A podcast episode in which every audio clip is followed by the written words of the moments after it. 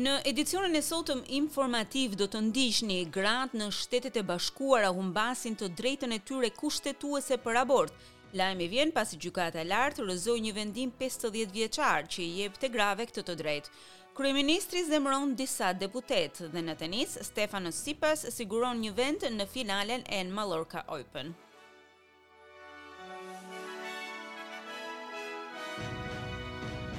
Gratë në Shtetet e Bashkuara do të humbasin të drejtën e tyre kushtetuese për abort, pasi Gjykata e Lartë e këtij vendi rrëzoi vendimin e vitit një mijë e nëntëqind e shtatëdhjetë e tre Roe kundër Wade, Një vendim që i jepte grave të drejtën absolute për një abort në tre muajt e parë të shtatzanisë.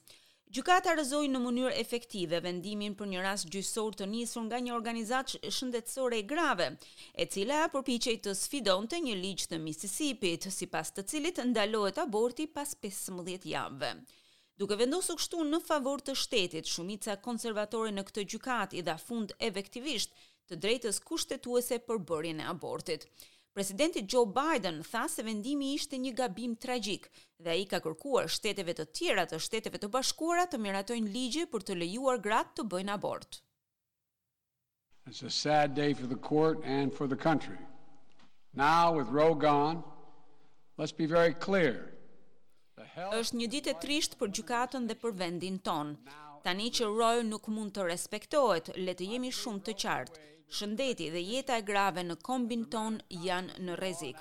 Unë besoj se Roe kundër Wade ishte vendimi i duhur, ishte një çështje e të drejtës kushtetuese, zbatim i të drejtës themelore për privatësi dhe liri në çështjet e autonomisë familjare dhe personale, tha ai. Ndërkohë, America's Planned Parenthood, e cila është organizatë e kujdesit shëndetësor që ofron aborte, tha se vlerësimi i gjykatës do të shkurtojë aksesin në abort për rreth 36 milionë gra në moshë riprodhuese. Kryetarja e Dhomës së Përfaqësuesve, Nancy Pelosi, tha se Partia Republikane dëshiron që aborti të ndalohet plotësisht në Shtetet e Bashkuara të Amerikës. Be aware of this, the Republicans are plotting a nationwide abortion ban. They cannot be Kini kujdes. Republikanët po komplotojnë një ndalim mbarëkombëtar të abortit. Ata nuk mund të lejohen që të kenë një shumicë në Kongres për ta bërë këtë. Megjithatë, ky është qëllimi i tyre final. Vendimi i jep shteteve individuale të Shteteve të Bashkuara të Amerikës të drejtën që të miratojnë ligjet e tyre në lidhje me abortin. Trembëdhjetë prej tyre kanë miratuar të ashtuquajturat ligje të nxitjes, të cilat tani do të çojnë në një ndalim të menjëhershëm të abortit. Presidentja e Ligës Right to Life me bazë në Kaliforni, Teresa Brennan, thotë se ndihet e emocionuar me vendimin e Gjykatës së Lartë. Ajo thotë se Shtetet e Bashkuara duhet të bëjnë më shumë për të ndihmuar gratë që ndihen të detyruara të abortojnë për arsye ekonomike. E ndërkohë Dhoma e Përfaqësuesve në Shtetet e Bashkuara të Amerikës ka miratuar gjithashtu një legjislacion të rëndësishëm për sigurinë e armëve për herë të parë në tre dekada.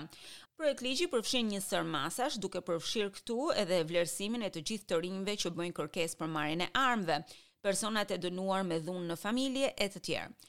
Duke folur kundër legjislacionit, anëtarja republikane e Kongresit Michelle Fischbach nga Minnesota nënvizoi rëndësinë e amendamentit të dytë, i cili i jep amerikanëve të drejtën për të mbajtur armë. House Republicans are committed to addressing the tragedy of these school shootings. Republikanët në këtë dhomë janë të përkushtuar për të trajtuar tragjedinë e të shtënave nëpër shkolla, por nuk mund të pengojmë të drejtat kushtetuese të qytetarëve të cilët i binden ligjit. Kjo nuk është një çështje që i përket demokratëve apo republikanëve, është një çështje e asaj që ndodhet në Kushtetutën tonë, tha ajo.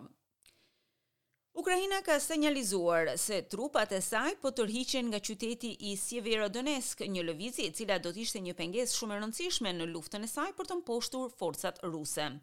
Disa nga luftimet më të ashpra në të gjithë pushtimin rus të Ukrainës janë zhvilluar në këtë zonë, ku betejat rrugë më rrugë kanë një muaj që janë ndezur. Beteja për qytetin është thelbësore për Rusinë, e cila kërkon të vendosë kontrollin mbi zonat e fundit të mbetura të rajonit të Luhanskut, të cilat për momentin mbahen nga Ukraina. Guvernatori i provincës, Sergei Gaidai, thotë se trupat në Sjeverodonetsk kanë marrë tashmë urdhrin për të kaluar në pozicione të reja. Megjithatë, ai nuk tregoi nëse ata tashmë e kishin bërë një gjë të tillë apo se ku do të shkonin saktësisht. Së zhëlenj ju da. This is what we've been talking about and there's no need to talk about so called betrayal as nobody Për këtë kemi folur dhe nuk kemi nevojë që të flasim për të ashtuquajturën tradhti.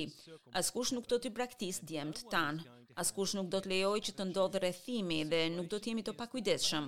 Situata e qëndrimit në pozicione të copëtuara për shumë muaj vetëm për hir të qëndrimit nuk ka kuptim. sepse natyrisht kjo rrit numrin e viktimave në pozicionet e pafortifikuara. Ndërkohë, presidenti i Ukrainës, Volodymyr Zelensky, ka folur në festivalin e Glastonbury në Mbretërinë e Bashkuar. Festivali më i madh i muzikës në Britani është rikthyer pas një mungese dyvjeçare për shkak të pandemisë. Presidenti Zelensky i tha turmës se veprimet e Rusisë në Ukrainë tregojnë se vendet e tjera janë gjithashtu në rrezik. Russia has stolen our peace, but we will not let Russia's war. Rusia na ka vjedhur paqen, por ne nuk do të lejojmë që lufta e Rusisë të na thyejë. Ne duam të ndalojmë luftën përpara se të shkatërrojë jetët e njerëzve në vendet e tjera të Europës, Afrikë, Azi, Amerikë Latine, të cilat gjithashtu janë nën kërcënim tani, tha ai. Një ish-oficer policie në Minneapolis, i cili vrau një grua australiane që kishte thirrur policinë për të raportuar një sulm, do të lirohet nga burgu javën e ardhshme. 39 vjeçari Mohamed Noor, i cili lirohet disa muaj pasi vendimi i tij për vrasje u rrëzua dhe ai tani u ridënua me një akuzë më të vogël. Noor fillimisht u dënua për vrasje të shkallës së tretë dhe vrasjen fatale të 40 vjeçares Justine Damond në vitin 2017. Kryeministri australian ka zemëruar të gjithë deputetët e partive të pavarura dhe atyre të vogla duke shkurtuar caktimin e stafit të tyre në vetëm një këshilltar dhe katër staf elektoral. Anthony Albanese i ka shkruar një letër deputetëve duke i këshilluar ata për ndryshimin e nivelit të stafit, duke thënë se qeveria do të rrisë fondet për bibliotekën parlamentare në mënyrë që t'i mbështesë ata sa më mirë. Të gjithë këta deputetë në qeverinë e mëparshme kishin dy këshilltarë dhe dy ndihmës këshilltarë. Deputetët kanë lëshuar deklarata për ta dënuar këtë veprim. Deputetja e pavarur e Kooyong, Monique Ryan, thotë se masa është një sulm ndaj aftësisë së saj për të funksionuar në mënyrë efektive dhe për të kërkuar llogari për veprimet e qeverisë. Australianëve i është kërkuar të marrin një vaksinë të tretë të Covid dhe një vaksinë kundër gripit, nëse nuk e kanë bërë një gjë të tillë akoma. Shefi i mjekësisë Paul Kelly thotë se ka shumë rëndësi që njerëzit, përfshirë këtu edhe fëmijët, të vaksinohen kundër gripit gjatë këtij dimri. Lutja vjen pasi Victoria ka hequr shumë nga mandatet e saj të vaksinimit, duke përfshirë këtu edhe kërkesën për dozën e tretë. Victoria tani nuk i duhet më të mbajë maska brenda aeroporteve. Njerëzit që rezultojnë pozitiv me COVID-19 do të izolohen për 7 ditë, Megjithatë, mund të largohen nga shtëpia për të çuar një anëtar të familjes në punë ose në shkollë. Mjafton të qëndrojnë brenda automjetit të tyre. Zyra e Kombeve të Bashkuara për të Drejtat e Njeriut ka thënë se shqyrtimi i saj rreth vdekjes së gazetares së Al Jazeera-s, Shireen Abu Akleh, ka arritur në përfundimin se ajo u vra nga forcat izraelite të sigurisë. Gazetarja humbi jetën teksa mbulonte një operacion ushtarak izraelit në Bregun Perëndimor.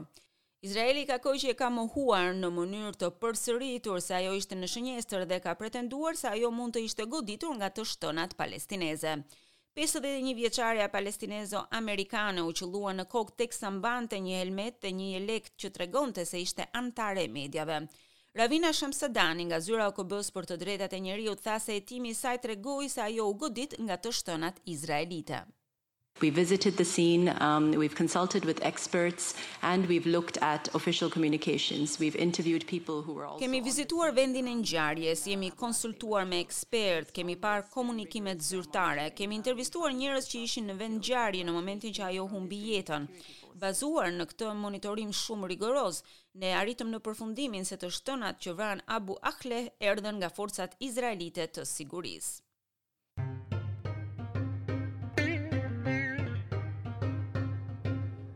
Kalojmë në kursin e këmbimit të valutës australiane. Një dollar australian sot këmbehet me 78.7 lekë shqiptare, 0.66 euro, 0.7 dollar amerikan dhe 40.6 denarë të Maqedonisë së Veriut.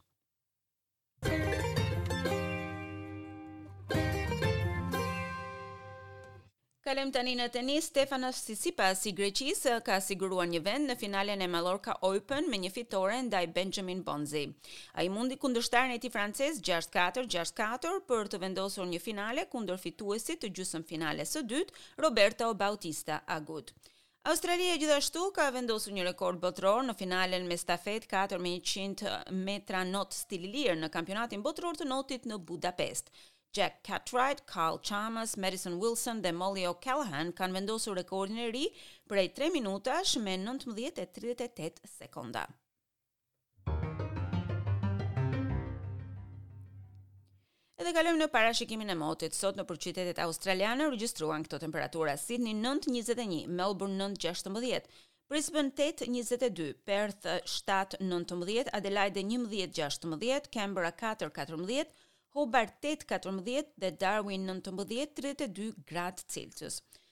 Për nesër, Byroja e Parashikimit të Motit sjell këto temperatura: Sidni tetë, njëzet, Melbourne dhjetë, katërmbëdhjetë, Brisbane tetë, njëzet e dy, Perth tetë, njëzet e tre, Adelaide njëmbëdhjetë, pesëmbëdhjetë, Kanberra zero, trembëdhjetë, Hobart shtatë, njëmbëdhjetë dhe Darwin njëzet, tridhjetë e dy gradë Celsius.